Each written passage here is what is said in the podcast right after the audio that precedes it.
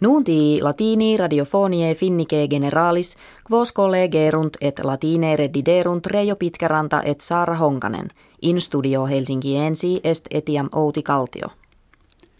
Die septimo mensis Augusti regimen Russie sanctiones economicas kve nationibus occidentalibus impone rentur palam fegit. Hoc consilio capto sine dubio ii sanctionibus respondit, quas Unio Europea et alie quoque terre Russis propter discrimen Ukraine ingesserant. Itaque Russi decreverunt, ut Unioni Europee, civitatibus Americae unitis, Australie, Canade, Norvegie interdiceretur, ne merkes alimentarias, neu alia producta rei rustice in Russiam exportarent. Cum Finnia kivitas sokia unionis europee sit, dubium non est quin nove sanctiones etiam nostre economie detrimentum allature sint. Barack Obama, presidens civitatum Americae unitarum, consilium approbavit, quem ad modum ictus aerii ad certa destinata directi in Irakvia fierent. Americani jam kibum et aquam iis hominibus subministrare perunt, qui pugnatores civitatis islamike in Irakvia fugerunt. Presidens firmissime negavit copias americanas in Irakviam redituras esse et bellum Irakvicum redintegratum iri.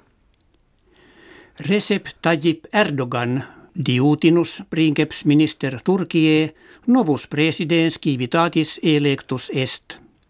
Comitiis enim presidentialibus die Dominico habitis apparuit ei contigisse ut jam primo suffragio majorem sententiarum partem sibi conciliaret. Policitus est se officium presidentis corroboraturum et potestatem eius aucturum esse cum munus illud hodie nonnisi cerimoniale esset.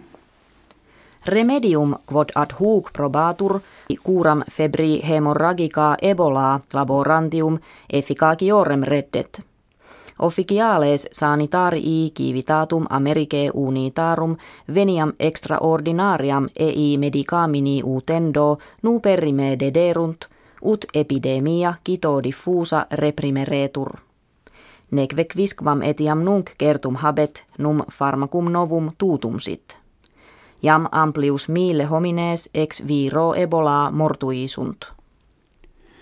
In urbe amphipoli in Grecia septentrionali sita magnificum sepulcrum antiquum repertum est ubi ossa persone alicuius magne dignitatis condita esse videntur.